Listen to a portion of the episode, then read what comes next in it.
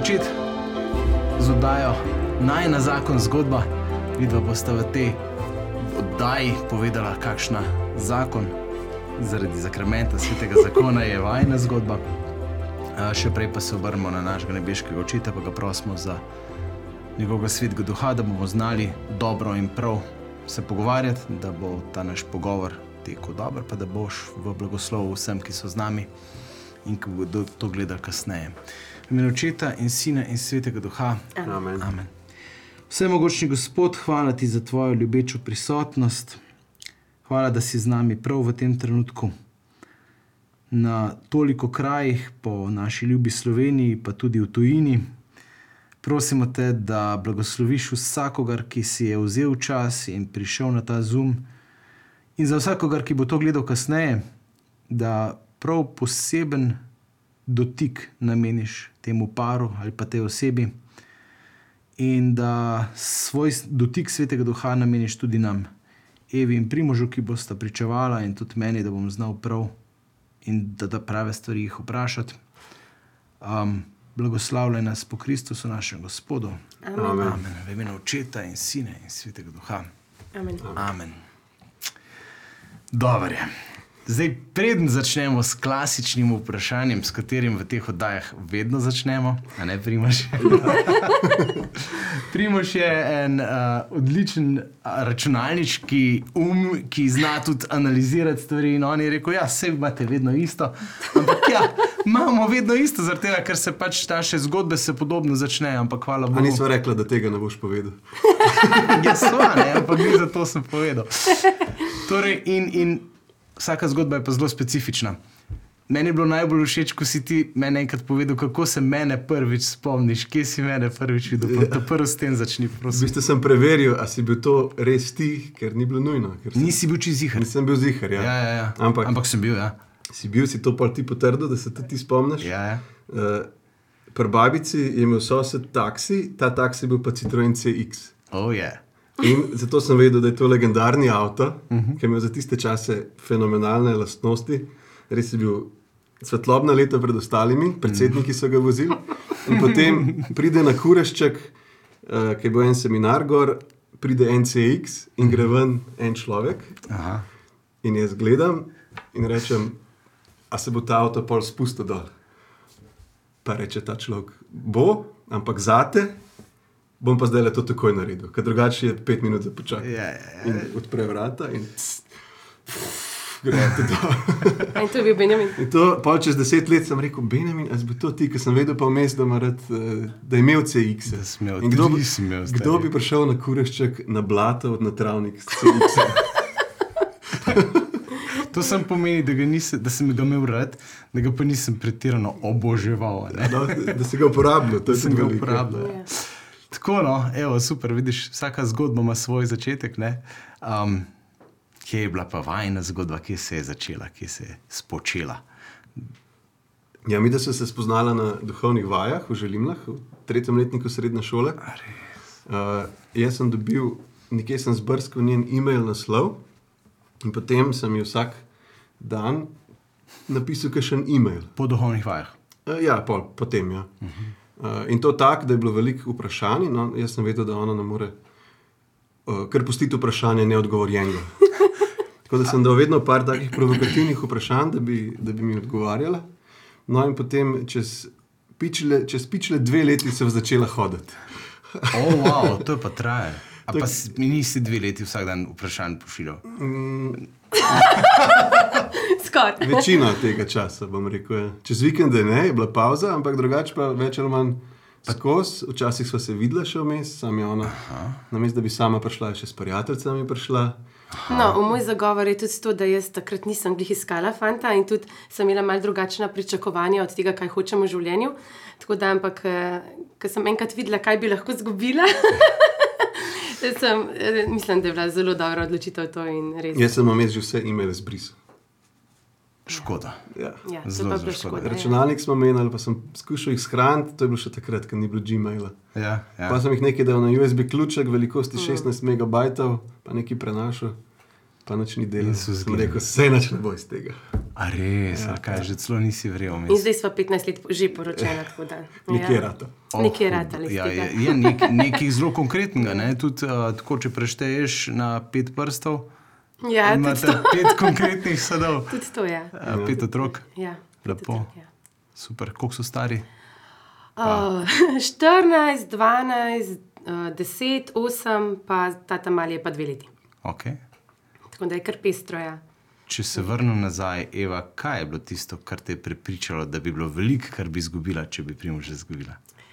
Pa sej, on me je že takoj sem ga opazila, ker pač je tak, bom rekla, markanten. zelo ima dober smisel za humor, okay. zelo iznajdljiv. In tudi tam na duhovnih vajah smo imeli eno tako igro, ki je bilo treba nekaj eh, v bistvu iz, or- kot origami labot narediti. Ja. In nob- nobeno skupini ni znal, ena moja prijateljica je malo napoznala, primo še pa takoj tisto sestavo in se mi je zdelo tako wow. To sploh ni moja danost, jaz nisem ročno spretna. Okej. tako da sem to še bolj občudovala. Uh, ampak ne vem, nekako takrat nisem bila v takšnem obdobju, ko bi sploh iskala, fanta, tudi mlada sva še bila v resnici.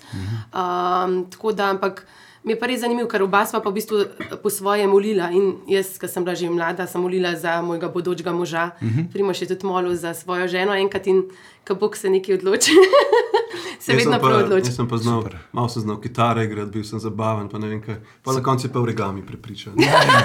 origami pa reko, nikoli nisem zares. Če- Ne, ampak pazi, ne, ona tebe porajtala na du duhovnih vajah.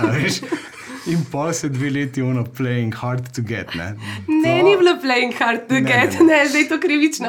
Pač jaz sem okej. takrat, če mar izmislila tako misijone, iti, pa, pač malo druga zgodba Aha, je no, še to bila v moji. ja, kje je druga zgodba? Mm, Pa sej takrat, mladostniška, eh, neke želje, da bi še šla mogoče kaj po svetu, misijone sem si res želela. Uh -huh. uh, ampak itak v bistvu um, je bilo to tako res mladostniška želja, no? ne pa moja, v bistvu, da bi si usedla pa uh, premislila, kaj hočem. No? Ampak ni neverjetno, kako Bog obrne te stvari na koncu in si zdaj v bistvu pristala na nek način v misijonih. Ne?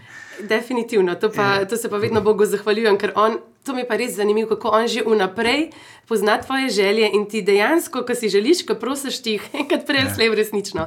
To mi je pa včasih mi je kar grozljiv prositi na tak način, ker vidim, oh, čakaj, če bo res to fal. Da. Ja, da pojasniva, ne? Eva, ti si naslednica moja na svetopisanski družbi, Ja. ja. Us, eh, tako da v Ljubljani. In, mm -hmm. Ko sem šel jaz na diš, si ti prišla tja Na in, svetopisansko, in, ja. in je gospod res to, lepo zrihtal. No, mm, je. V bistvu so se mi dva takrat mečken bolj spoznala, Ja. ja. prej pa smo se tako na približni, ja, da je kje srečala. Ja, ben, Benjamin me je uvajal v moje delo. Ja, ja, ja, seveda, ne. Tako Jaz sem kar delala takrat, ja, bilo ja. fajn. Ja, je. Pa še pa si imela kaj za početi. Ja, vedno je del. Ja, Mm. fajn, fajn. Kako pa res ta del, pa, pa ti tudi v bistvu si podjetnik, primoš, ti imaš Ja, jaz, svoj posel. jaz, imam, eh, jaz sem solastnik enega studia, ki delamo igre za mobilne telefone. Okay. Okej. Na Google Store ali pa na Apple Store lahko downloadate naše igre. Um, tako da sem imel, to je, sem imel prej že tudi druge službe, no, ampak mm. zdaj so kar najdla en tak, eh, tako ravnotežje. Mm -hmm. um, pri igrah je tako, da se vedno zamuja, vedno prepozno narediš. No, in po več letih smo se zdaj naučili, da pač gremo pač po 8-9 urah dan. Um, so, bili pa, so bila pa obdobja, ko si pač delal in si pač. fraj. Je tudi veliko časa delal, pa, isto, pa še malo manj zamujal, ampak tudi zamujal z, temi, z izdelavo igre. Recimo, no, ampak, Aha. ja, zdaj pač hodi vsako svojo službo um, in pol prideva domov in sva doma. Okay. Ja, in ste z otroki, ste s petimi Pač ja, službe ja. doma minimalno, no, kakšen klic, mm -hmm. Pa malo z mislimi tam, no, ampak Fajn. Sta pa tudi upeta še v ogromno enih drugih stvari. ne. Um, pri prenovi vem, da ste zraven zdaj bila pri seminarju, malo tako ja. pač uh, za izlite duha. A, ja, Mislim, mislim, Mim grede, Aleš Čerin ga je zelo pohvalil. No. Ja, Tako sej- Mhm. je, je rekel, da je bilo res fajn. Uh -huh. Pa si on pravi, ne bi mislil, da mu bo to tako fajn. Pa je bil pa navdušen. No. A, Mislim, skušava, v bistvu, zdaj to, to smo zdaj res preskočili veliko leta, ne, ker uh -huh. mi dva v bistvu eno leto nazaj, verjetno tudi primoš niti tukaj ne bi bil. Ne. Uh -huh. uh, tako da to se je res tudi v najnu zakonu veliko spreme- spreminjalo, tudi uh -huh. ta duhovna rast je bila bom rekla, kar očitna. No. Um, tudi ni bilo skozi preprosto zakonu, mm. ki je primaš v prejšnji službi, ki je bil res zelo velik del. Sem, se je meni zdelo, da sem za vse sama, da res vse na meni, da vse vogale hiše jaz podpiram. Se najbrž sem jih v tem smislu doma, ne? on je mm -hmm. pa pač prinesel denar. Mm -hmm. yeah, yeah. težko je to dojeti, takrat, ko si sam, pa ti je težko, pa ko po noči ostaješ. Um, tako da zdaj smo pa res upletena, kako lahko služba, si tudi želiva služiti tako gospodu, uh, dava se na razpolago tako s temi skupinami ljubezen in spoštovanje, ki jih imamo, hkrati pa tudi tako, kamor nam naj duh pokliče. In tale seminar konkretno je bilo res tako čist. Uh, našo skupino Veručno, ki jo obiskujemo enkrat na teden, uh -huh. so v bistvu prosili, da smo slavilna ekipa uh -huh. in smo prišli tja čisto, bom rekla, po slučaju. Čeprav mi smo pa tudi prej molili, da bi imeli neko poslanstvo in tako in evo, zdaj vse skupaj poklopili, nismo znali organizirati, so oni organizirali, mi smo pa kot slavilci prišli zraven in smo se res lepo ujeli in nastali neki fulepga in ful dobrega. No. Super. Yeah. Ja. Um, o ljubezni in spoštovanju pa teh stvari bomo še mečkaj kasneje. Um, tako zanima me malo tudi ta geneza tega duhovnega razvoja, recimo pri vsakem od vaju. Ne? Kaj pomeni, kdaj ste, recimo, ti, Eva, pa ti primoš Boga postavila na, na prvo mesto v življenju, in kdaj je v resnici to potem nekako tudi v zakonu pred vama prišlo skupaj. Ne? Se pravi, a sta bila že s to odločitvijo že prišla skupaj, se pravi po tistih duhovnih vajah, pa dveh letih, ali se je to pa kasneje odvijalo. Ja, to se, pri meni se to je tenstal leta in leta. No. Um, mm.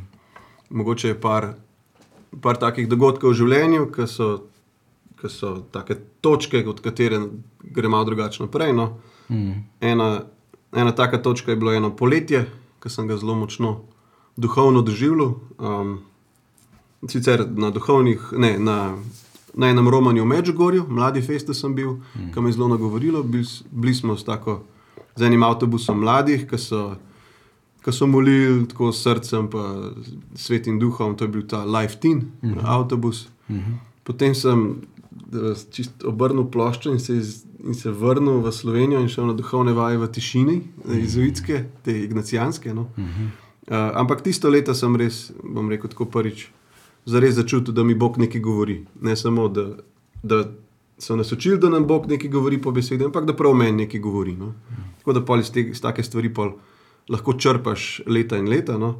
To je, bilo, to je bilo, ko si bil še samski. To je, to je bilo, ja, bila sva fant in punca. Ja, bila ja. sva fant in punca, to je bilo tam v zgodnih, med 18 in pa, ne, med 20 in pa 22 letom, malo pred poroko. Uh mhm. -huh. Ena taka, uh, taka stvar, ki tudi je veliko vplivala na to, no, je, da je Eva nekje slišala, um, da pač če te kdo povabi, po, prosi, da kaj pomagaš, pa mogoče ni pa pametno, da to govorim tukaj pred vsemi. Da rečeš ja. Okay. Če hočejo, da prideva pomagati, ne vem, pri misijonu ali pa pričevati nekaj, ali pa ne vem kaj, da, si, da načeloma rečeš ja, če nimaš zelo dobrega razloga, da rečeš ne. Dobro, da si rekel načeloma. Ja.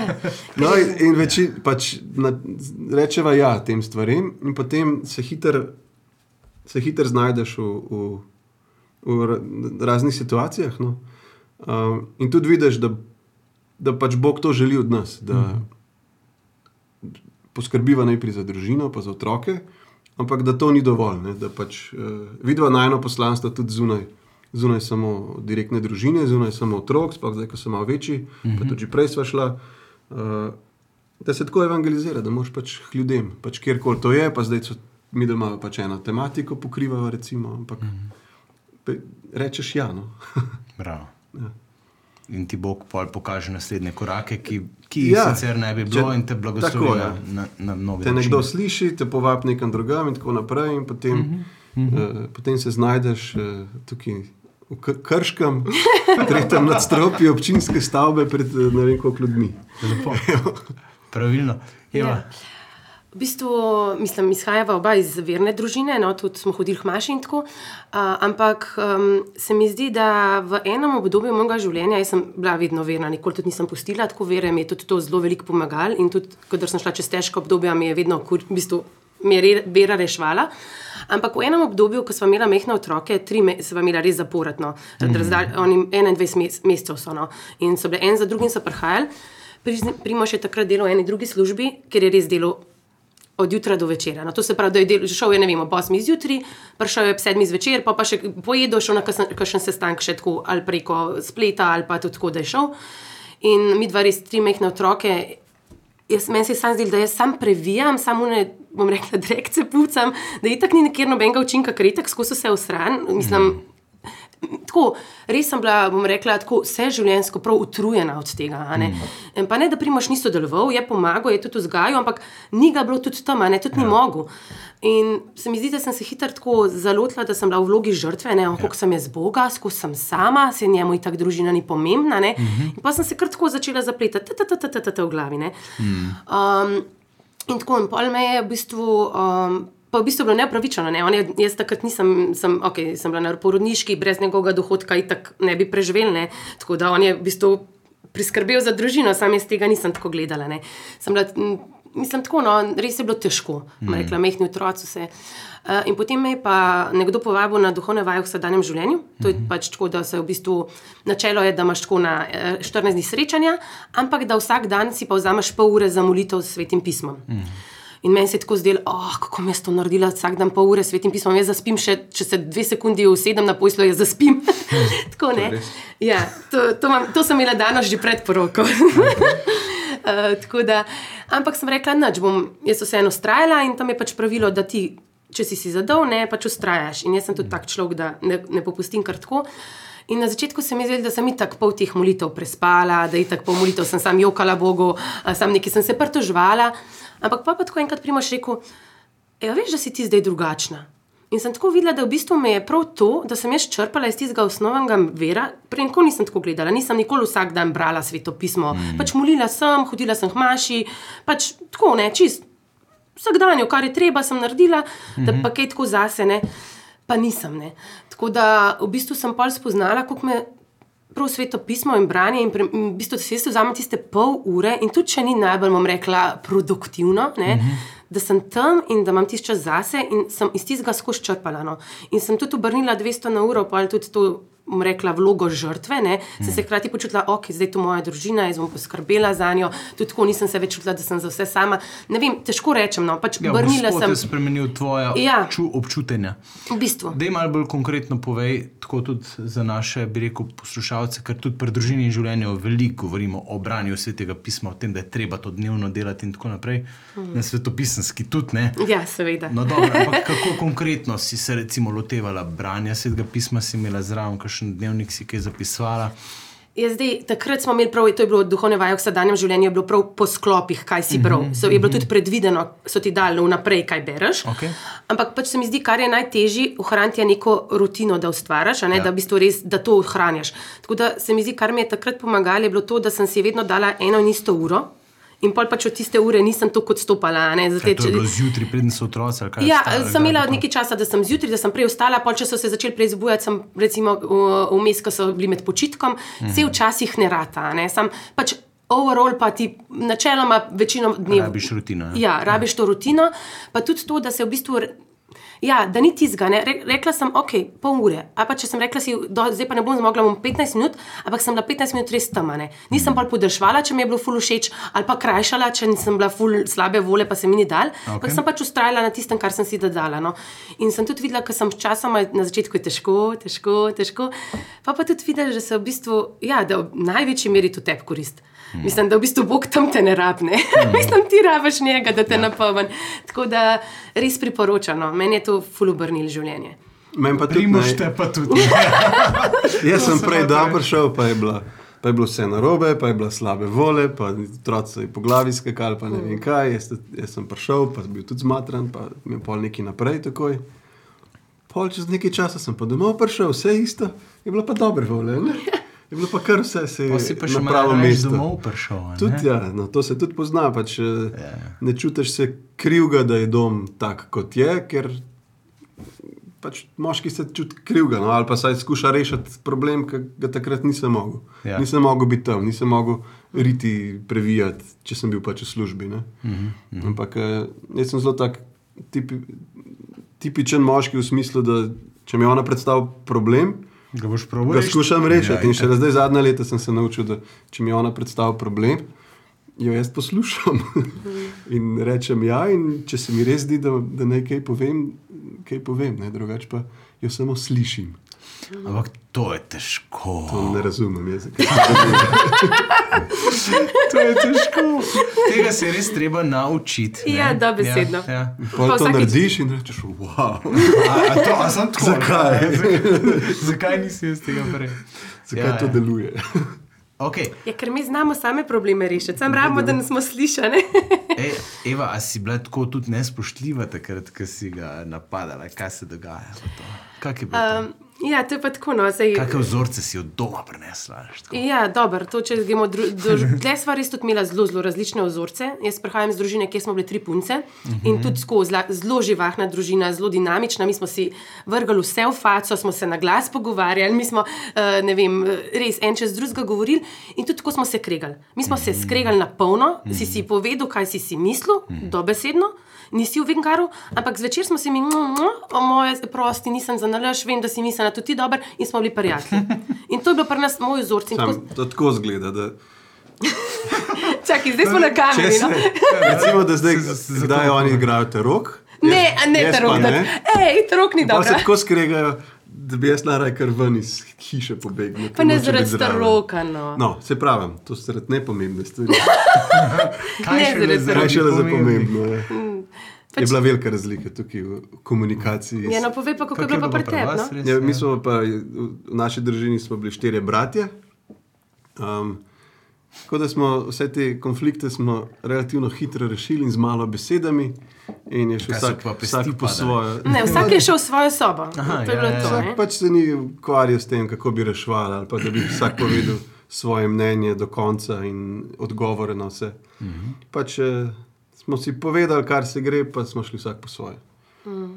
In ta vzorec v bistvu sem jaz prenesla tudi, mislim, že ko je on prišel v našo družino, je bilo pač vse drugače. ne. Um, on je veliko mislil, da se mi kregamo, pa se v bistvu sploh nismo Sam sami. se sam pogovarjal. Mi smo se sam pogovarjali, pa v bistvu se res nismo, mislim, mi nismo čutili, da se kregamo. Ja, ja, ja. In potem tudi, kadar smo imeli mi dva konflikta, ne, je bilo v bistvu tako, bom rekla, jaz nisem vedela, ampak v bistvu mi dva sva dolg časa sploh rabila, da sva sploh ugotovila, kaj za njega pomeni To nespoštljivo. moraš upoštevati, da mene je recimo v življenju kdaj nadaril ne, vem, starši, brat, bratje, recimo, uh -huh. kakšen profesor, kdaj učitelj, kakšen šef, kdaj. Ampak to sem še kar dobro sprejel. Tako kot me je ona se pogovarjala z mano, oziroma me nadirala, tako me prej nobeno v življenju ni nadiralo. To, sem, to je bil za me šok, Ja. da mi nekdo vse tako zabrusi v obraz in pove, in ko skušam kaj nazaj povedati, preden zaključim, mi že naprej. In tako naprej. In se A počutil si kot hotel kar pobegniti, mali stari? cucek, sem se hotel tako velike učke dobiti, da bi se me usmila, Bi se ga da bi nehala, da bi bila prijazna z mano. Ne? Ja, in to je pa začaran krok, ne? ker on v bistvu je bilo tako, ne, jaz sem hotela rešiti konflikt in sem prehajala za njim, on je pa kar v bistvu bežal stran in se je tudi v bistvu velikrat zaprl. Uh Mhm. -huh. On se je res na začetku najnega zakona, se tu zdaj govorimo tako, po 15 letih, ne, Ja. ja. dva sva rabila to 10 let, da Ne, sva se problem je naučila. tem, ker mnogi obupajo, preden se naučijo. a veš. Ah, ne obupati, ne obupati. Ja, Ja, Zato, ker to, res, ne. eh, mislim, moramo se vedno ful zamen, za, zavedati. Ja, Čeprav, zdaj lahko govoriš. Zdaj lahko govorim. Ja. Ampak Deset let so, so pa obupovala. Pač to je bilo, ja. Jaz sem bil po več dni, sem se kujil. A jaz sem, si imel tihe maše. ja, to, da se bo naučila, ne? kako ja. je ne pa drugače. Sam ni deloval. ampak na naslednji tista, ne? Ja. Ja. Tako da, in potem v bistvu še prav še ta tečaj ljubezni in spoštovanja, s- čez katerega smo pa šla, nam je v bistvu to šele pokazal v tem smislu, da sem jaz enkrat, jaz sem, jaz sem bila prepričana, da sem jaz do primoža vedno spoštljiva. Okej, jaz kdaj- nisem imela kdaj pojma, da nisem. ta tečaj? E, pač, m, recimo, v bistvu je Ja, tečaj nama glih prav desetega leta zakona, ja. Desetega leta zakona smo naletela, v bistvu smo šli s to veručno skupino, ki sem jo prej omenila, uh -huh. smo šli skupaj čez tečaj, v bistvu pari, ki se poznamo že 20 let, hodimo v veruku od študentskih let, ne. uh -huh. uh, ampak res eh, nismo, ni pa, nismo pa kot zakonska skupina in se poznamo v drugih vidikih, ne kot, zak- mislim, tudi kot zakonci. Ampak tle smo pa res videli še en tak drug vidik, -huh. kot, ne, kot par, kako nekdo funkcionira. No? In tam sem enkrat potem jaz primoža tudi vprašala, sem mu rekla, "Ja, pa primož, kaj pa je zate, da sem, mislim, kdaj sem jaz nespoštljiva. Ne? Uh -huh. In on na začetku sploh ni vedel, ni mi znal povedati, rekel je, v bistvu ne vem, ne točen. In pa pa enkrat rekel, ker sem ga tako nadirala, rekel, no vidiš, takrat, ko me tako nadiraš, si totalno nespoštljiva. In takrat sem se jaz prvič sploh zavedla, da je to nekaj narobe, da jaz njemu tako govorim. Meni se je zdelo tako Normalno. Normalno, meni se je to zdelo čisto vsakdanje, da pač jaz, jaz nisem hotela biti slaba, jaz sem pač hotela samo rešiti problem. In kako se reši problem? Nasloviš ga, poveš, kaj tebe moti, kaj mene moti, najdeš neko rešitev in greš naprej. A Ne, on pa ni tako funkcioniral in to sem jaz tako težko sprejela. Mene je pa najhujše od vsega, da se on zapre in da gre v svojo sobo in ne govori z mano. Mislim, to hujše mi ne bi. Jaz sem se, bila malo kazen to. Mislim, sigurno, eh, po mojem se, saj jaz. Ni delovala. Ni delovala, ja. Neučinkovita kazen. Mislim, ni bila. Hecam se, no. Mislim, na nek Ampak način je ja, kazen, ker ženske ja. se, po mojem, saj jaz sem se čutila takrat neljubljeno. No, In nis- no. pač, kar pa on Pač spet ni bil njegov namen, ne, da Ja, se ja, ja. čutiš neljubljeno. Tako, Ja, moški ali se fajta ali se pa umakne. Ne? In Ja. pa še z žensko se ne smeš fajtati, ne? ker boš pač, če zmagaš, Ne, si loser, ja. če, če zgubiš, si loser, ni fajn. Ne? Ja, ne, tam, Ja, ja, tist ja. ja. je tak, tam so si znala definirati, pol, kaj, kaj je, pa kaj je ljubeče za njo, pa kaj je spoštljivo za me. A že na tem prvem tečaju? Ja, pač takrat smo začeli počasi na pogovarjati. o tem. srečanju, pol, mislim, to je tako, da slišiš nekaj, pa pa en teden s tem živiš, ne? in takrat, ali pa dva tedna, in takrat malo si pozoren na te stvari. Ne? In takrat sva, sem enkrat rekel, to je pa zdaj nespoštljivo, oziroma malo spoštovanja, prosim. Ne, kaj, pa To še, se, to se živo spomnim. ja, to, Mi smo, to, to poveva vsak moj. kot diževa ekipa, ne smo letos spomladi k vama res v vajno hišo lahko smeli prihajati. Hvala. Z veseljem. Ja, pač na ta tečaj, ki ste ga videli, imela za nas, no, in je res dober tečaj. No, mm. In ogromno je njihov videl, meni so bile pa še posebej dragocene res tudi te vajne refleksije in zgodbe, kako sta vidva to doživljala. No, tako mm. se mi zdi. No. Dajte še mečken, kakšno tako od teh zgodb, kakšen ta proces, kako je potekal. Tisto, kar smeta povedati. javno Ne, sej, sej. Ne, sej, no, jaz sem. v En, eno obdobje sem imela, uh, ko sem imela veliko teh težav. No, in jaz sem kupil po, po priporočilu enega prijatelja knjigo Še zdaj se spomnim. How to solve your marriage without talking about it. Kako okay. rešiti zakon, ne da bi se bi- bilo treba pogovarjati. Pa, Moška logika je. to je bilo obdobje, ko so imeli največ tihih maš, skupaj so se mogla furati vsak dan eh, malo del, recimo tri četrt ure v, v skupnem avtu in so se pač mogli dogovoriti, kdaj kdo kje, koga pobere, pa kdaj kdo pride domov. Um, ampak, um, ja, pol, pol po tem obdobju hmalo smo prišli na to ljubezen in spoštovanje z nekimi pričakovanji, da je nekaj fajn, smo slišali. No? Ampak v bistvu je bil za me en izmed na, najboljših seminarjev, tako nasploh, za, za osebno, za karkoli osebnega življenja, psihologije in takih stvari. No. Um, Kar je presenetljivo, ker on tega drugače ne mara. Ne? Da ne bomo si na jasno, da je on kar okay. hotel iti na tečaje okay. in kar, da so njemu pa tečaji najboljša stvar, kar se lahko zgodi. no, te cvetke, se pravi, prva je to, kar smo že omenili, malo spoštovanja, prosim. Potem so odkrila, kaj to pomeni z ramo ob rami. Ja. To pomeni, da, da nekateri ali pa mnogi moški radi nekaj delajo, mm. radi to delajo s svojo ženo, recimo gledajo futbol tekmo ali pa nekaj delajo v delavnici, in da imajo radi, da je žena zraven in ne govori. Ja. In tega ne vem, zakaj noben drug še ni tega povedal. Jaz sem to prvič tam slišal. In se mi zdi pač. Mm, pač šokiralo me je, ne? kako lahko nekdo reče, da je skupaj z nekom, z ženo, pa se ne pričakuje, da se bo pogovarjala. Češ, pogovor bo vse rešil. Ne? Ampak potem, ko smo, pač, ko smo to videli, pa ko smo to, ko smo to midva probala, pa drugi pari, pa tako naprej. Uh -huh. uh, Pol slišiš te zgodbe, ne, kako so eni šli uh, iz Ljubljana do Zadra, pa sta šla z ramo obrami v avtu po stari cesti in pač celo pot nista govorila, in je bil on, ker sta tja prišla na cilj napolnjen, ne, je bil vesel. Ne. Ja, ona je Ja, pa ona je umirala, ona je je pa preživela. Ja, Ona se je ampak, pa potrudila in Ja. ja. toliko napora gre tudi moškemu za daljše pogovore. Ne. Je tudi iz, iz možga, ali pa težko, težko to zdrži. No. Mečkan problem, vidva tudi velikrat, ko se pogovarjava z drugimi pari, da je v bistvu ta pogovor, pa ne narobe razumeti, zdaj me poslušajo, ampak na nek način je precenjen. Ja. V tem smislu ne znam povedati pravilno. Jaz sem za to, da se pogovarjava in jaz sem ta prva, ki podpišem in jaz res Ja, uh, tako rabim to. očitno, ne, jo. Ja. Ja, ja. Ampak eh, je pa nekaj, to je ženska plat medalje, v večini primerov. Ni nujno, ampak bom rekla, po mojem, v 90% je to ženska plat medalje. Ja. Moška pa ni.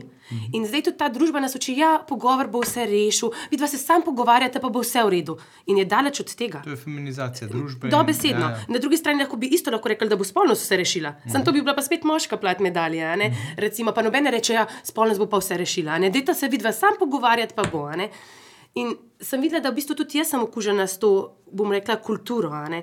In zato se tudi na tem ljubezen in spoštovanje zelo ne podarja pogovor, ampak se reče obojestransko razumevanje. ne. Ker jaz imam drugačne potrebe kot ima Primož. Okej. In če jaz poznam njegove potrebe, bom jaz videla, da njegova potreba ni pogovor, bo pa rama v in, recimo, ali pa bo spolnost. In če bom jaz razumela, da on ne želi od mene, ne vem, da jaz tam sedim samo zato, ker je krut mučitelj in da sem čist tiha, ne? ampak to želi zato, ker ga to napolni, ker on misli, da sem jaz zraven in ga takrat občudujem in delam nekaj, kar on dela. Ali pa da, recimo, ne vem, da si on želi mene v spolnosti zato, ker sem pač njegova žena in ker res hoče z mano se napolniti, ne pa sem zato, ker pač je nek manjak, bom rekla. Ne? čist drugače dojemaš. Pa začneš videti en, ene stvari iz njegovih oči, ki jih prej nisi videl, ker si gledal samo iz svojih. Zakaj se pa noče z mano pogovarjati? Valjda se mora to zmeniti. Mislim, a ne bo to logično, če se bom mi da pogovorila, bo vse v redu. Sam jaz bom povedala, on bo povedal, mislim, spet ta ne. Prej, Pa se recimo, dobi ekipa prijateljic in tole. Ja, in oh, kako je grozno, a res ti ni nič povedal.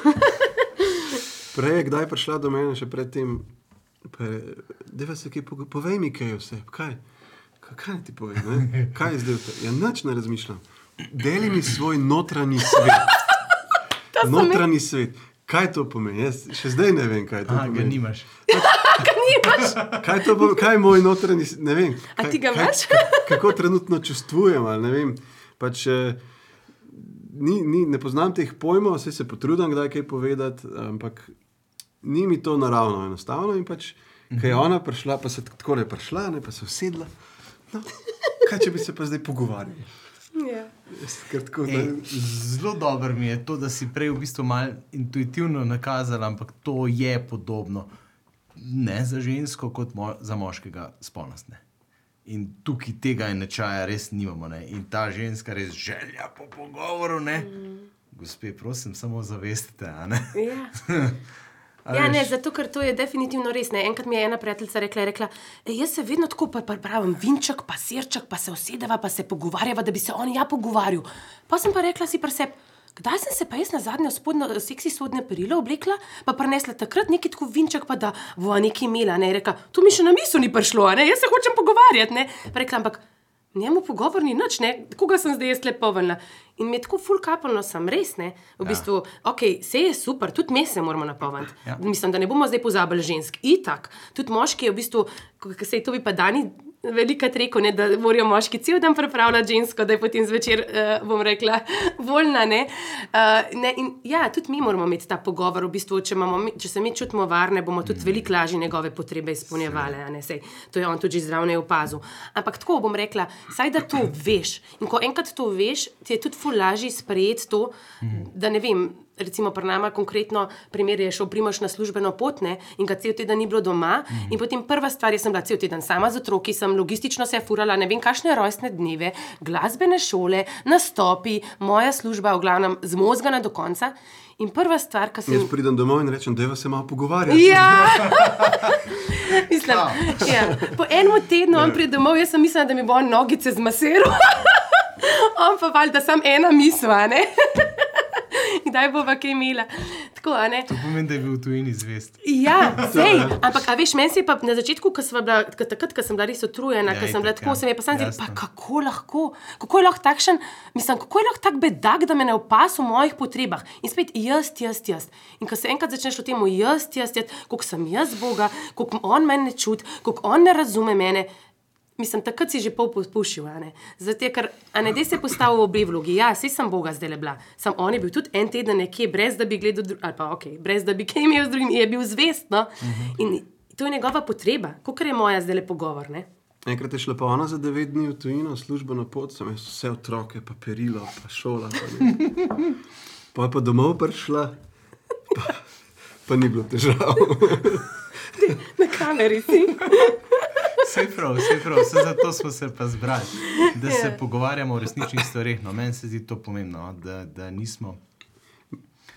Me- Mene je še ena stvar šokirala. Uh, to je bilo konkretno na, tem, na eni temi od tega tečaja. No.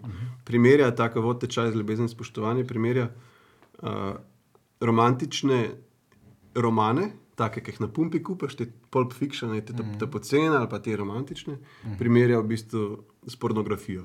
Znam, da pornografija je pač je za naskrivaj, pa, ne, pa pač slaba. Ne. Romantične, uh, romantični romani so pa v bistvu zaželjeni in dobra stvar, in naj bo tudi tvoj mož tak. Ne? Ampak oboje daje napačno, uh, napačno predstavo, se pravi, Ja. popačeno v, za, za to, kar jaz mislim, da je, da je kakšen je moški ali kakšna je ženska. Ne? Da je, da je enako vredno. Ne?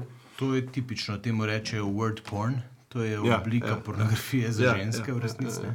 Tudi si ti 50 odstenkov sive in tralala. Ne. No, pa To tudi- sva tudi z- če ni- tudi če ni Benjaminom spolna- Tomažičem sva na to temo prav govorila, oziroma bo zelo malo daja prišla ven. tako da- Super. Ja, Tudi, to če ni, tudi če ni tako spolnost poudarjena v teh romanih, ne, že, že samo, Samo pogovori, pa ja, ja. Mr. Darcy, pa ne vem, kdo. A je že tudi to. Ja, to pozna, ker je mogel zdaj z najstarejšo hčerko si je zaželela gledati prevzetnost in pristranost in je ona mogel in rekla, a ti bod ti zraven. In pa se je tako potrudil, da je tam zraven sedel in je gledal tisto pač prevzetnost in pristranost, in pa se je tudi zapomnil, ne nekaj. ja. Tako, ampak je res, da pač tam moški so idealizirani in misliš, da te bo vedno slišal, da te bo vedno razumel in da bo to nagonsko njemu. In da bo funkcioniral kot ženska, praktično. ne? Mislim, predvsem. Jaz tekom zakona sem videla, da v bistvu sem ful pričakovala, da bo on, mislim, mogoče tudi zato, ker sem s tremi sestrami, mislim, z dvema sestrama odraščala ne, in mi smo bile res povezane, tako je vedela druga, kaj, ena druga misel, kaj se dogaja. Tako, sem malo je bilo tako, malo drugače pogledala, pa sem rekla, ej, a je nekaj narobe, ne. Takoj smo čutile. In pol skupaj s temi knjigami, recimo, ki jih bereš, res se ti s filmi, ki jih Pa s gledaš. filmi, ki jih gledaš, in v bistvu Mhm. s svetom, ki govori, da moraš vedno biti slišan in da je vse narobe, če tvoje potrebe niso izpolnjene, je v bistvu hiter to, da pričakuješ točno to od svojega moža. Ne? Sam daleč od tega, da je to njemu nagonsko. Ja. Pa spet ne, da se ne bi znal naučiti, ne? oboje je treba gledati, se tudi zna naučiti. In Primož se je veliko takih stvari naučil, velikokrat me tudi zdaj mi, mi se usede, pa mi kaj pove, čeprav vem, da mu je takrat odveč, ali pa recimo drugače pristop reče, se te slišam. Tako. Takrat v tistih dveh letih sem se izčrpal in v, v tiste e-maile spustil vse, kar, Ja. je, kar sem premogel, in pol mi je po roki mi je pa zmanjkalo vsega. Vse Ja. To, to, to je tipično, ne? ampak dej povej, da recimo, Groza, zdaj si se groza, pa- to je sam izgovor. Nazaj si se učil no, v tečaju ljubezni in spoštovanja. Kako si se zdaj konkretno naučil ljubiti, primoš? Recimo si rožce, kašne začel. Na Ja, zalogi nekje tako malo. Zdaj mi kar prenese. Mogoče večkrat, bistveno večkrat kot prej, pa ne spet pogosto, to, ni, to je mesečni dogodek. Recimo. Um, Ampak mi jih kar tako prenese. Ne, ne tako, kot imam Pač- rožena, kar tako. A pa brez pričakovanj. Ja, mislim, sploh sem presenečena včasih. Ne, pa ne, oh, pa si mi roste prinesel, ne, tako. Res. Pač če me pošlje v trgovino, pa še rožce kupim. Ja, ne. Veliko. Uh, no, ja, to, to njej veliko rada ima rože. No. Ampak ne, se mi zdi, da največ je to, da, da razumem, uh, zakaj je kdaj iz sebe, pa zakaj tako govori, pa da znam to sprejeti, ne da se skrijem vase, ne da ne vem kaj. eh, Pol jaz še iz tega večji problem delam, no, kot to je bil prej problem. Ne. Recimo, recimo ko sem prišel domov, pa je rekla, joj, kakšna bajta je, vse je razsud, smeti nisem mogla odnesti, pa ne vem, posoda ni pospravljena. Ne. Nisem čutil krivdo. Jaz sem slišal, ni te doma, slab fotor si, slab mož si, nič ne narediš doma. Jaz sem to slišal, pa Ja. ja. podzavestno. Ne? In ja. sem se mogel. Nisem mislila na to. Jaz sem samo hotela, da me en sliši in da bom jaz. Okay. Ampak to sem se še zdaj ja. podzavestno, je to moj prvi odziv na tako Ja. ja. stvar. Ampak, pa pol, ko pride v zavest, ga pač spremenim. Ne? Hkrati pa njej rečem, kdaj kaj začne. Recimo, se tukaj, te, tukaj se tri gubice naredijo, ki začne hitreje govoriti, pa tako malo bolj iz sebe. Pa jaz rečem tako lepo, kažem. Umir se, okay. da bo lažje funkcionirala skupaj in pol tudi jaz lažje poslušam, lažje kaj povem. Ne? Ali pa, če je pa najbolj, najbolj hudo, to sicer zdaj že dolgo ni bilo, ampak so prav rekla, kaj jaz neham govoriti, bom rekel stop. Do takrat pa ne smeš ti mi skakati v besedo. ne. Ker drugače sem vdihnil, pa je pač že ona mi imela repliko na tisto, kar še niti rekel nisem, ne? ker je točno vedela, kaj bom rekel in tako naprej. Ne? Tako da zdaj to znava, zdaj tudi ona, tudi ne da rečem stop, počaka, da, da se ji zdi, da sem do konca povedal, ali pa reče, da bo še kaj povedal, pa pa ona začne. No.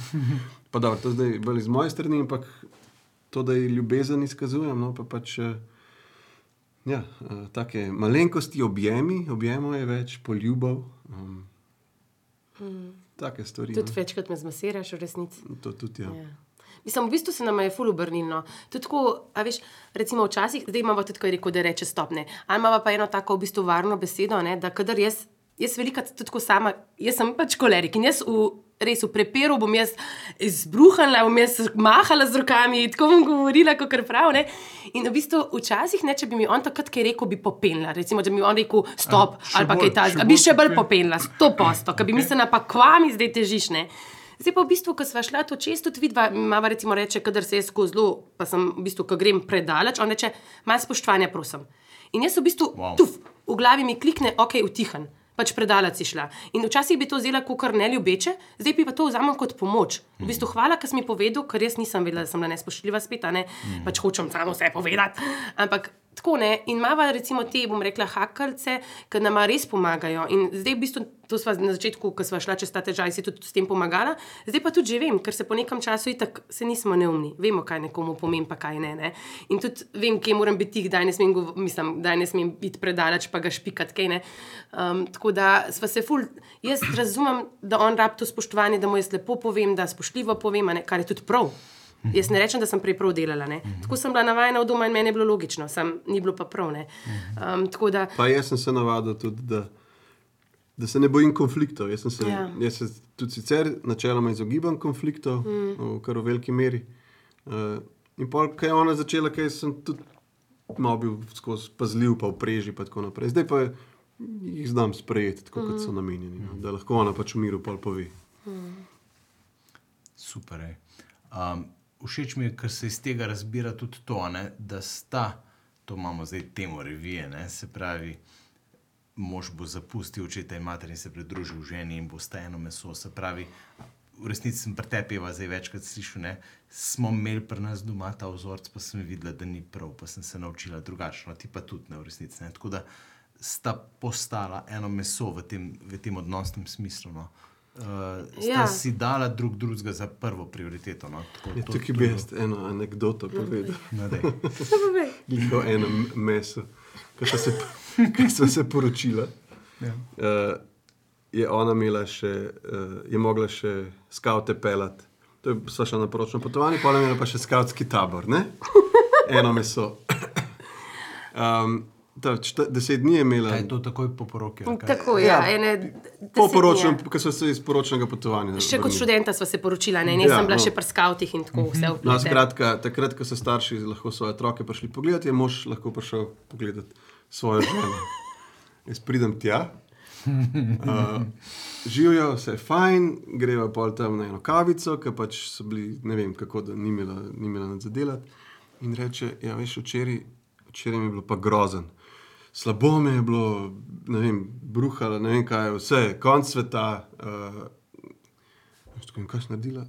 Ja, mamico sem poklicala. Jaz, jaz sem tako. Kaj? Poročena sva uh, že 14 dni ali 3 tedne. Zakaj najprej ne pokličeš moža? Ne? In, a ja, mama je prišla, je malo pobožala. Ne, pred tabletom je Dala prinesla. neka dol in Ne. vse je v redu. ne, Pač, ampak mi nič ni povedala, dokler nisem osebno tja prišel. In kot pravi moški, sem odlično reagiral in uporabil zobe za to, kar so, da sem jezik držal za njimi Zdaj nekaj na in tem. pač nič povedal. No. In še lepo, čez par let smo to spet odprli. Odprla to temo, ja. In ona sploh ni vedela, da je kaj bilo narobe, kaj meni bilo nenavadnega tukaj. Jaz sem si pa zapomnil, ona je že pozabila to vmes. Mislim, zdaj spustili smo tudi ta prvi del, kar je, ka, kako je bilo na, po poroki pri nama. tem, da je, jaz, sem se, do- mislim, jaz sem vedela, da je Primoš pravi za me in midva sva se zelo mlada poročila za vestjo in tudi sem vedela, da sem naredila čist pravilno odločitev, tako res, nikoli nisem za hipec podvomila, nikoli. Pri katerih letih? Uh, mi, uh, Primoš je bil eh, 22, 22 pa 23, 23, ne, tako ne, ali eno. 22 pa 23, Ja, ti si pa 22. 23. Uh, ja, jaz sem bila lih rojsten dan, imela pa smo se. Ja, uh, no, in v bistvu je bilo pa tako, da mi smo doma, mi res, mislim, jaz sem se doma zelo dobro počutila in smo imeli tudi res eno tako varno okolje, tudi zelo dobre odnose imamo še vedno in s sestrami in z starši imamo res dobre odnose. In ne vem, jaz sem prišla v, mislim, z, v zakon tudi z enimi pričakovanji. Ne vem, recimo, pri nas doma je bil oče edini moški, ne, ker smo bili same punce. In on je to rabo, recimo. Da, ko si ti prišel domov, da je on imel eno toplo juhco na mizi, pa da je bilo kar tako pospravljen. In to je bilo njegovo pričakovanje od žene. In jaz sem to tako copy-paste dala, ne pač primožu. Ne? In on je takrat, sva se mi doporočila, sem bila še študentka, on je gli začel delati. In jaz sem imela cel dan cajt. a ne. In sem v bistvu doma vse pospravila, lepo tako pet hodni meni naredila, vse tako pripravila. In on je pač prišel. Velikrat je tudi zamudil, ker pač on tega ni bil navaden, da bi sporočil, da zamuja ali ne. ne. In pač tam je bilo na mizi, no, on je pač pojedel, se usedel na kavč in eno pivičko. ne. Tako. In jaz tisto v glavi, čakaj, kaj je to, kaj je narobe, a on ne opazi, da sem jaz le ful dobro skuhala, da sem vse pospravila. ne. Tako, in pa sem tako tudi takrat ne tako v svoji glavi, pa kaj, pa me on sploh ne mara, on sploh ne vidi, kaj vse za njega delam, ne. ker moj jezik ljubezni so pa usluge. Aha. Še to zraven. ne, ne. In v bistvu je, meni je bilo to ful vreden, da sem jaz to naredila, njemu pa nič, ker nje- njegov jezik ljubezni pa sploh niso usluge. ne. In pa sem. pa ti primoš? Dotik. Ja, spolnost. Ja. Prav tako, to, to, ne, to smo ne dodošča. Ja. Je, No, ampak potem sem eni starejši ženski tako razlagala, pa tako ona reče: pa, dej, Kaj pa je s tabo, zakaj jamraš, že vprašaj ga, pa sploh rada, ne? Dobre prijateljice, imeti je full fajn, pravim cajt. ja. Kaj bi on rad, ja. In pa sem jaz v bistvu videla, da njemu. Največ pomeni, da ga jaz počakam po službi v spodnjem perilu doma in to je to, kar rabim. in pa smo jedli, kdaj hrenovke, pa, ne, pa je bilo čisto vse, sem, je bilo pet hodnih meni ali pa hrenovke, tudi če ni bilo pos, pospravljeno, on zna zelo dobro čez stopiti, čez unet štumfe. Tako da v bistvu sva, ful mi je breme padel. Sam jaz tista moja pričakovanja. Si mogla Ja. jih malo zapustiti in iti od, Ja. od doma, Ampak v, v tudi- glavi. Pa a te tri leta, kar rabiš, da to ugotoviš, pa pač oba malo trpiva zraven. Ne? Ja, takrat mislim, da nek trenutek. No, ampak hočem reči, da tudi takrat sem se jaz, ko smo se mi to poročila, takoj na začetku, v bistvu ful še počutila bolj doma, bom rekla v tej Ja, ja, glavi. ja. Tist, ko smo se preselili, sploh ni bil še tako moj dom, se mi je zdel tisto, on je bil cel dneve tam v službi, ki je prišel domov teh stvari ni opazil. Mislim, tako, a ne, vse to skupaj ti da potem neko tako in. Grozen mi je, da sem poklicala mami, ker sploh nisem vedela, da sem ga tako prizadela, ampak sem ga ful prizadela. ne. Zdaj vedno njega pokličem. Tako sem se izboljšala v 15 letih. Pol pa imamo. Pa pa še mamico. Ja. ja, ja. Eh, Tako da, ampak okay. tako, a ne, nekaj ti prineseš zraven neke take, mm, v bistvu, ja, kufrčke. No. Um, tako, kar se tiče, pa, kar si vprašal za ljubezen in spoštovanje, kako živiva, no, tudi tako doma, pa tudi vidiva, da v bistvu sva to tako nekako nagonsko tudi upletla v najno življenje, da zdaj že kdaj tudi otroci rečejo, tako reče, a ti, a je bilo to spoštljivo do mamice, a pa reče, mami, to pa ne, ne rečejo, A a ti je bilo ja, ljubeče." a ti a je bilo to ljubeče do mamice, reče, rečejo. A ti to pa ni bilo ljubeče. Ali pa tako tako reče, a pa reče, mami, veš kaj, tole se mi pa ni zdelo spoštljivo. ne." Tako da Wow. tudi oni tako. Imate radarčke, ki vam. Ej, sploh jih nisva nikoli tako učila, bi rekla, Ja, čeprav ja. vidijo, ko pač ljudje k nama prihajajo ne, in se tudi na, pač pogovarjamo. Ampak tako nisva jih v tem učila, ampak tudi med nami vidijo razliko. No. Um, tako da sva pa res imela vedno zakon. To pa od začetka, ko smo se poročila, nikoli nisva dajala, res smo imela zakon na prvem mestu. No. To pa moram reči, in kljub temu, kadarkoli je bilo težko. Um, mogoče gli zato še, je bilo še tako hujš sprejemati take razlike in te pričakovanja, ker jaz sem se vedno, v bistvu je bil on moj primarni cilj, a ne, ne otroci, tok, čeprav je to grozno slišati, ampak v resnici jih imam neskončno rada otroke, ampak primoš je moj prvi. a ne. In to res, in mm, tle smo, a ne, zakona že skozi. Super je, fajn. In zdaj je vse v življenju gladko, plujete v, v mirnih vodah, oziroma vem, da ni tako. Ne? Da dejansko, potem ko človek na nekem področju dozori, ga ima Bog tokrat, da ga tam ne pusti in mu prinese še kakšno tako težjo reč v življenju. ne. Ja. Primaš, To, je bilo, to je bil kar šok. Ja. Jaz sem imel, um, sem februarja 2021, prav lani, uh, sem imel hujšo, hujšo poškodbo. In sicer to je bilo med, uh, med korono, uh, kar veliko eh, stvari je bilo zaprtih, ampak šola je bila za polovico otrok odprta. Tako da en februarski dan, 1. februar, čist malo snega je padal, smo, sem napokal te velike otroke, pa smo se šli sankat mhm. na sveto Katarino, to je najbližji tam hrib tam pri nas. Um, in ni bilo snega, tam na unem sankališču, ko smo bili, je bila trava, pa smo šli še malo višji. pa zrihtam otroke, se sedem na bob, tako velik bob, in se spustim dol. In padam iz enega, mislim, se spustim čez en tak kucel, pa ne, ne gor, pa dol, kucel, ampak sam dol, ne. tukaj je bila potka, tako je bilo tako pa pobočje. Ne. In pač v bistvu preletim z neko hitrostjo na potko, sem videl tisto potko, pa vseeno. Ampak sem pač preletim tja gor, s trtico, pač, ne, po, po hrbtu sem se spustil in me je tok butnil, oziroma, mislim, tok je se je telo ukleščilo ob tem pacu, da sem si zdrobil tako pač 30 cm od trtice višji, tukaj ena vrtenca, enostavno, pač, ker se je hrbet. Uh, tako pognil. Tako sem bil sproščen, če bi verjetno mišice imel fajn napete, se to ne bi zgodilo. Ne. Jaz sem bil pa, ok, in padec bom, mislim, en skokati bom tam pač šel naprej. No. In to se pač vrtenc zdrobi, uname in ti poškoduje um, hrbtenjača, ja, pa živce, ki grejo tam okoli tega, tega vrtenca ven. no. In ne vem zakaj, ampak uh, sem se spomnil, no, najprej nisem čutil nog, kakšno minuto, dve, sploh. Tako, ko se kdaj zbudiš oh, sred noči, pa pač ne čutiš roke, ne, pa se ustrašiš, da je ne vem, ena žival v postli. Uh, tako nog nisem instantno čutil, obeh tam gledam, tako pismo. To je res ena stvar, ki jo v lifeu nisem hotel imeti, da bi bil hrom. Ampak uh, ja, vem, da se ne smem premakniti. Se pač uležem na hrbet, vzamem telefon iz žepa, pokličem rešilca. Uh, Vmes sem malo občutka v noge nazaj dubu, malo sem lahko kolen dvignil. No, in pol pač rešilc, uno tretje operacija, um, so sanirali pač kost, ampak hrbtenjača je ostala poškodovana. Tako da sem bil dva meseca v bolnicah, pa Soči, pa mogel bi biti še mesec ali pa dva, sam sem težil, da bi šel tam. Um, in prišel domov na Berglah, lahko sem hodil. Um, ampak ja, imam trajne, trajno poškodbo, uh, imam še zdaj, zdaj že skoraj dve leti. Zadeve se verjetno, vsaj po medicinski poti, ne bodo popravile. Um, ja, in je tako huda preizkušnja, no, ker se na njo ne, ne moreš se pripraviti. Ne. Nimaš najprej nekih malih simptomov, pa pa, vid, pa pa vedno hujši, pa si pripravljen, da bo zdaj neki, pa da lahko nekaj narediš. To je pač instantno. Ne. Od takrat naprej ne čutim recimo več razlike med prstom ali pa iglo.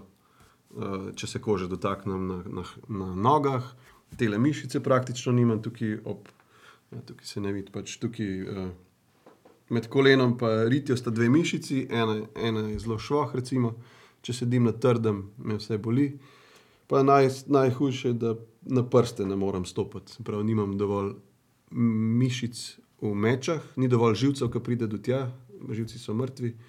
Ne morem sprožiti mišice, da bi stopil na prste. Ne, ne morem normalno hoditi, um, ne morem nobenega športa sejti, tazga, ki zahteva, da se pač premikaš, uh, v, pač, da podplate premikaš, pa skočiš ali karkoli.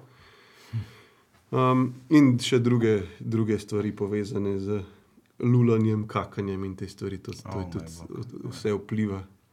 Tako da um, sem se kot odrasel moški lani trikrat podelal v hlače, od tega samo enkrat v restavraciji s hitro hrano. Ja, Ampak zdaj- zdaj, se smejemo, sam grozen. Takrat ni bilo tako smešno. Ne, bilo smešno. Zdaj pa, Ja. zdaj pa znam že to um, predvideti, oziroma malo mal se se mišice popravlja do neke mere, no, tako da mm, je malo boljš. Um, ja. In to je bilo glih tako, ne, mi da so glih na polno začela mm, stvari početi še zunaj družine, ne pač kakšno.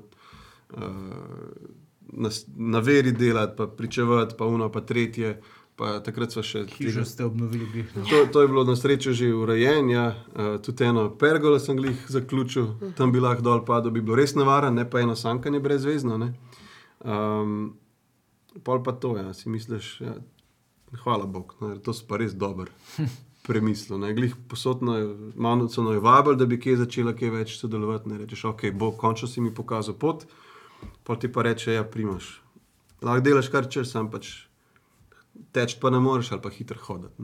Hmm. Tako da me je malo Wow. prizemljiv, no, sem se kar nekaj časa ukvarjal s tem, kaj zdaj to pomeni. No. Um, ja, je kar nekaj pozitivnih stvari od tega. No.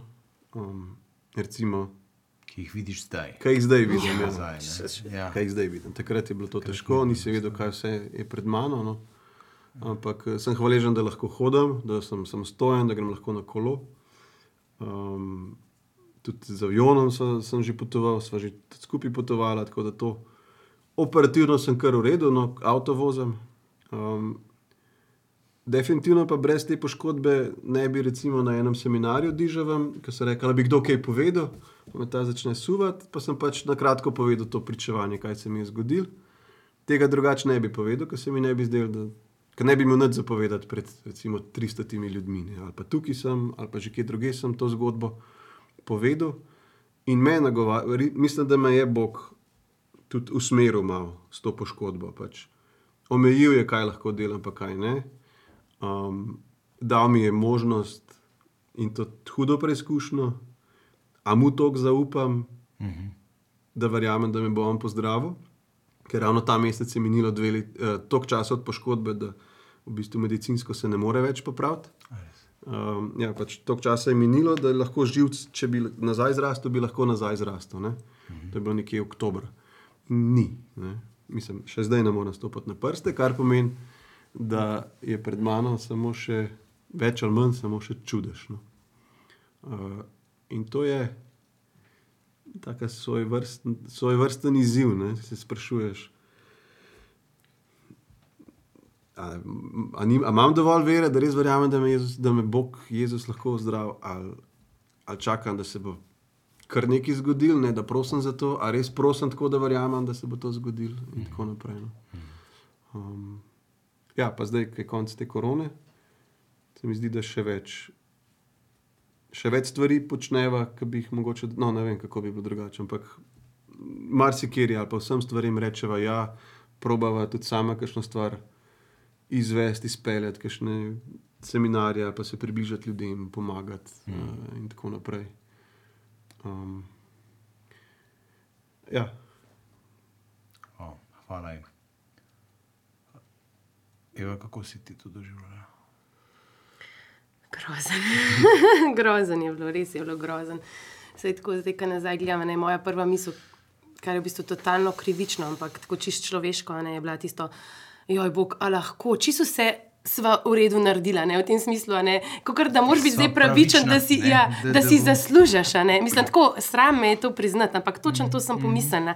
a ne, A nisva bila dovolj pravična. ne. Nisva bila ni- dosti pridna. Ja, nisva bila dosti pridna, točno Ja, to, kot ja, da ni vse ja. milost. ne. A, tako ne, ampak v bistvu vse te situacije pa Bog tok delo, res tok delo. Iz tistega, kar nismo vedeli, kaj je kirurg rekel, moja sestra je tudi zdravnica ne, in ga je pač klicala kirurga, ki se poznata. In je pač on je rekel, pač, lej, sem si upal, da bojo boljše novice. Ne? Niso vedeli, kako bo operacija uspela, ali bo kdaj še hodil, ali bo zdaj paraplegik ali kaj bo. Sprožila sva ful veliko molitveno verigo, po mojem, je, ne vem, 500 ljudi za naj molili. In res v tistem trenutku sem res tako prazna, da sem res tako težko molila, mi je ta skupnost od zadaj dajala moč. Jaz sem ostala v bistvu sama doma z otroki, s petimi, ne z v bistvu delnim šolanjem na domu, uh, na porodniški z Markom, ki po noč ni spal. Jaz, eh, glih prej sva se tako, glih dva meseca prej sva zamenjali, da sva šla tako v bistvu na razen spat, da je šel on z Markom posebej spat dol v klet, ker je Mark tako slabo spal, da v bistvu se je skozi zbudil in jaz sem bila tako neprespana, mm. da moje telo več ni vedelo, kdaj spi in kdaj ne. In tudi, ko bi mogla iti spat, nisem mogla zaspati. Mm. In ker sem recimo zjutraj šla za pet minut spat, pa sem spet vstala, pa sem šla Ja, za dve uri spat. že za, za spanje, Mislim- ene, še en mesec. Ja. Em, Pač Ni bilo fajn. Meni je rekla sestra, rekla, ti če ne šla zdaj na eno, tako da boš spala res 6-8 ur skupaj. Boš, boš, ne- boš sfolgala, ker pač rabaš spanje. Mm. Meni pa moje telo več ni vedelo, kdaj mora spati, pa kdaj ne. ne. Uh, tako da in, in, in tistem se njemu zgodi, ta, in Primoš je pa šel z njim dol in je pač vsakeč z njim dol spal, da sem jaz lahko noč prespala. To smo recimo delali, ne vem, ene, dva tedna in pol se bam, on poškoduje. Ne? In meni še ta spanc in jaz, ki se res tisto večer, prav spomnim se tistega večera, ko se je on poškodoval. Ja, Mislim, meni so samo soze tekle, bila sem sama spodaj s tam malim zraven, on je tam spal v postelji, ostali otroci so spali. Tako sem se počutila obupano, tisto res. Kaj sploh lahko naredim? In sam tisto sem rekla, ej, gospod, če pa zdaj, jaz sem klicala, sem očka, če zdaj ne bo tam mal spal po noč, jaz bom, Ne, ne bom prenesla, noben mi ni mogel pomagati, mami ima astmo, ni mogla priti zaradi korone, uh, babi je imela kolena poškodovana, v bistvu sem bila res sama v tem. Uh, in tako, in prav tako, no, res iz srca sem prosila in od takrat naprej je Mark spal. Res, to mi je Bog res direkt podaril milost in on je spal vse noči naprej. Res, polo, in on je tako, da ga položiš v poslo, leto, niti let, 8 mesecev, koliko je bil strne. Položil smo ga v poslo, on je zaspal in spal celo noč. Tako mislim, noro, res to. In tako tudi vidva, ne vem, primož se ni premaknil, tako zdaj, ko za nazaj gledava, ni se premaknil, bil je na snegu, recimo, da je res bilo tako, da mu ni oteklina nastala. Kirurg je bil eden najboljših, je res naredil, mislim, tako, kar je lahko naredil. Molit, mislim, tako, Bog je vodil čist vsak korak v tistem totalno bedni situaciji. Uh -huh. In takrat nisem znala biti hvaležna, sploh ne.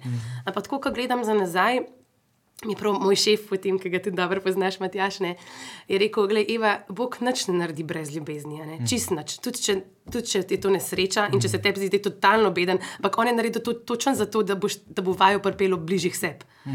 In ful težko je to takrat dojeti in ful težko je to sprejeti, ja. da bi Bog lahko nekaj tajnega naredil, ker, a ne, pač zakaj bi to naredil. Ampak v bistvu, zdaj, ko gledava za nazaj, to, kar smo mi dva v bistvu povezana in kako se je Primož spremenil od takrat, njemu tudi prijatelji rečejo, ti si zdaj drug človek. Hm. Mislim, tako. Pa je bil že prej fuloredo mož, fuloredo oče. Ampak res to, kar sem si pa jaz vedno želela, da bi on tudi duhovno, ful, ne, on je tok potegnil, on pač. Res, je on res duhovni vodja družine, kar sem si jaz vedno želela, ne v tem smislu, uh, da potegne pri teh stvarih. Uh, in v bistvu imam, kot se grozno sliši, rajš čoko poškodovanega, pa tako naravnanga na Boga, um, kot pa v bistvu prejane. Da se zdaj da je izmolila to poškodbo. ne, ni res. Ampak res, ker ti Bog tako obrne, v bistvu pa vidiš, koliko stvari je nepomembnih v življenju. Koliko stvari je pač takih, ki misliš, da jih Ja, moraš to imeti. res, ki ti ostane, ali pa ki še ne veš, ali na vozičku ali ne. Hmm. Res se začneš sprašovati, pismo, kaj pa je zdaj za res pomembno v življenju. Hmm. In kaj veš, da ne glede na to, kako boš nazaj prišel, da te bo imela žena rada, pa otroci, pa prijatelji, pa, pa širša družina, pa, pa da imaš te odnose, je veliko vredno. Uh, vidiš, da je to tisto, kar je, kar ima substanco. Ne pač pozabiš na ne vem, neke plane, februarja bomo šli smučati ali ne bomo šli, ali ne vem kaj. Takrat, takrat vse to izpuhti. No. Imaš kak tak konkreten trenutek, ko se ga spomniš, ko si ti Bogu ono, predal stvari? Ja, ne vem, če sem še čist. Ne, um, mm, uh, ne vem, ne vem uh, nimam tako konkretno, da bi se enkrat zgodil. Um, Seminar. um, znotraj te poškodbe. Ja. Sva, pa, sva pa prav, kar je bilo še bolj, kar še bolj ironično. No, sva, sva šla, smo šli skupino, to, kar so že omenjali, čez seminar za izlitje svetega duha, mm. kjer v bistvu rečeš s svojimi besedami, da pač predaš svoje življenje Bogu. In te drugi slišijo, kaj to rečeš, in molijo nad tabo, in kličejo svetega duha, in to smo naredili. Mm. To smo vsi tam naredili. In smo s tem predali svoje življenje, in potem pričakuješ, da bo zdaj Bog te vodil. ne, in pol Je poslal korono, je No, poslal to ni poslov, ampak ja. otroka, poškodbo govorimo, ne. in tako naprej. Ne, se je dejansko začel so se začele stvari spremenjati. Mm. Se to smo se pa tudi pogovarjali, da je v bistvu, ko smo mi dva tako res predala življenje Jezusu, a ne? mislim, da smo ga res predala. Men, nama se je zdelo, da smo na novo rojena, v bistvu na nek način, a ne? A, tako ker je bilo vse drugače, ker je imel življenje čist drugačen okus. a ne. Um, ampak tvo, oba, oba sva po svoje uh, molila, ne? da naj Gospod pokaže, kje, po kateri poti hoče, da greva, da se bo v bistvu popolnoma predavane in vam on ta nesrečane. Mm. Tako da, v bistvu, če gledaš ko v božji luč, ne, sploh, je to pač gleda mogel biti, čeprav je to res grozno tako reči. a ne. Uh, pa v bistvu po človeški plati totalno nerazumno. Verjetno, če bi me kdo, ki ne pozna Boga, to zdaj poslušal, bi mislil, da sem nora. Mm. Ampak jaz ne znam povedati, da v bistvu sem jaz zdaj srečna, isto kot prej, oziroma lahko da v nek, neki meri še bolj, a ne kljub temu, da je on recimo poškodovan in je včasih ful težko, še vedno je ful težko, -hmm. ko se on sooča z svojimi omejitvami in se mi, recimo, se vidim, da se kar skapleze in ka dojema, kaj vse ne bo mogel. Um, ampak ja, A veš, on vic, ki je, ki je nekdo prosi Boga za potrpežljivost, pa mu Bog pošle najbolj zopornega človeka, ne, kar jih on pozna, ne, ali pa prosi za, uh -huh. ne vem, a, a se še kaj ne spomniš. Pač, no, tako sem jaz prosil Boga, da bi mi, da bi res mi direktno pokazal z nekim znakom. Da, ne, ne, direktno sem ga prosil, da bi mu res lahko predal življenje. Ne? Da bi res verjel, da bo Bog pač vodil me na vsakem koraku. Ne? In ker sem tam ležal na, uni, na posli tiste par tednov, pa čakal, kaj se ti bo nazaj, kaj bo nazaj prišlo. Ne? Ja, Tam absolutno nič nisem mogel. In pač bolj ne bi mogel predati takrat, Mhm. Mhm. kar se bo zgodilo Bogu. Ne? Recimo, ker sem vem, sedem tednov čakal, da bom spet lahko lulu. Ne? A bom spet lahko sprožil mišico, da bo, da bo urin prišel ven. Ne? Noben ni nič znal reči, ne? a bo ali ne. Ja, in so rekli, ja, enim se to že to po dveh tednih popravi, Hmm. enim pa nikoli, ne? pa tako naprej. Ne? In pol mi je glih toliko stvari dal nazaj, da v bistvu, če, me, če nisi ful pozoren, se ti zdi, da sem malo šepa, meni me je vprašal, če sem na ježka stopil. V bistvu mi je vse me je toliko nazaj sestavil, zgleda, kot kar me rab trenutno. Ne, ne rab, da hodim v hribe, ne rab, da športam, mogoče bi, bi se fentil kje, ne vem. Mislim, sej, ne da smo Ampak obupali. pa, to, kar sem prosil, sem pa dobil na tak zelo nepred, nepredvidljiv način ali pa ne, nepričakovan za me. Ja. Ja. Ampak takrat sem res čakal in pustil, da Bog naredi kar lahko. Ne. Jaz iskreno še vedno uh, trdno verjamem, da bo Primoš prej ali slej v zdravu. Jaz ne vem, to imam skozi res tako v podzavesti in še vedno nisva obupala, še vedno prosva. ne. Uh, Sam je pa res tako, v bistvu včasih zdaj se vprašava, kako žalostno je, da te more Bog toliko zlomiti, da v bistvu mu rečeš, ok, gospod, zdaj si res ti šef, ne morem jaz noč brez tebe. a ne."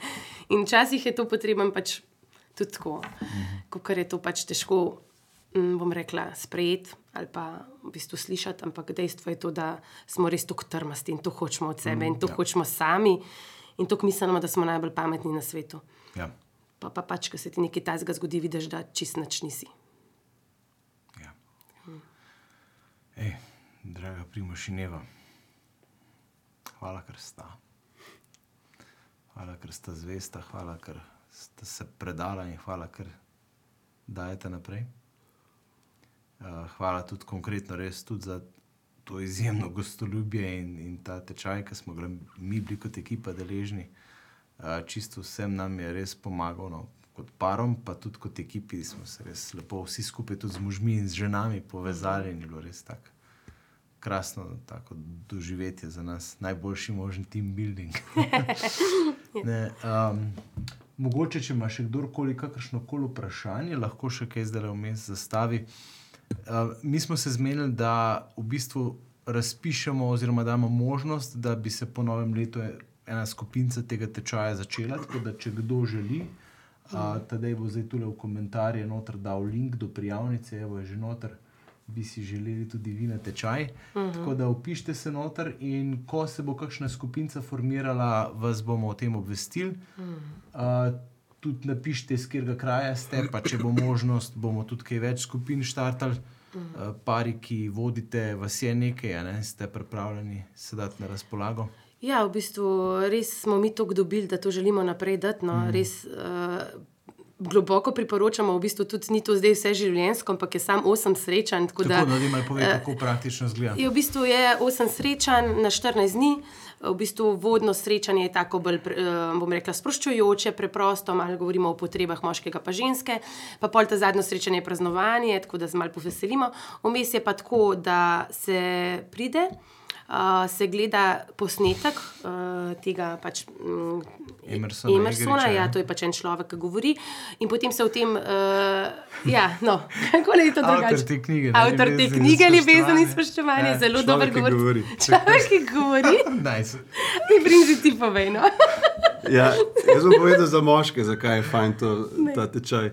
Ni se treba ekstra pogovarjati, ni se treba nič ekstra pripravljati, razen pač iz dneva v dan malo spremljati, kaj se dogaja. No.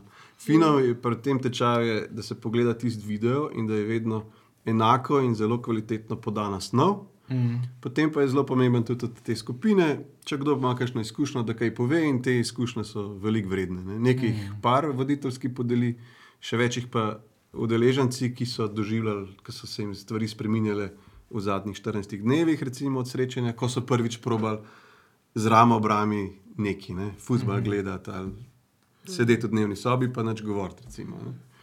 Take stvari. Ja, pa m- mogoče še tako tekom teh let, ko smo vodila te tečaje, smo res opazili, da ne boste dobili nekega napotka, tako naredite, pa bo pol vse boljš, pa ne vem, enkrat na teden pejte na zmenk, pa bo vse boljš. V bistvu ti bolj da uvid v tvojega. Tvoj par, oziroma v sebe, tudi, ne, in tudi uh, željo potem, da bi v bistvu sebe spremenil. Mm. Kar se jaz nikjer drugje nisem tako začutila, da bi v bistvu se želela zaradi primoža in zato, da bo najen zakon boljši, mm. v bistvu spremeniti. a ne.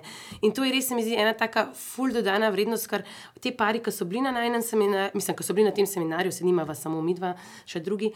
Uh, So res nekaj uvedli v svoj, uh, svoj zakon, da je zdaj drugačno. Mm. In tudi pričujejo o tem, da se jim je življenje pol spremenilo zaradi tega.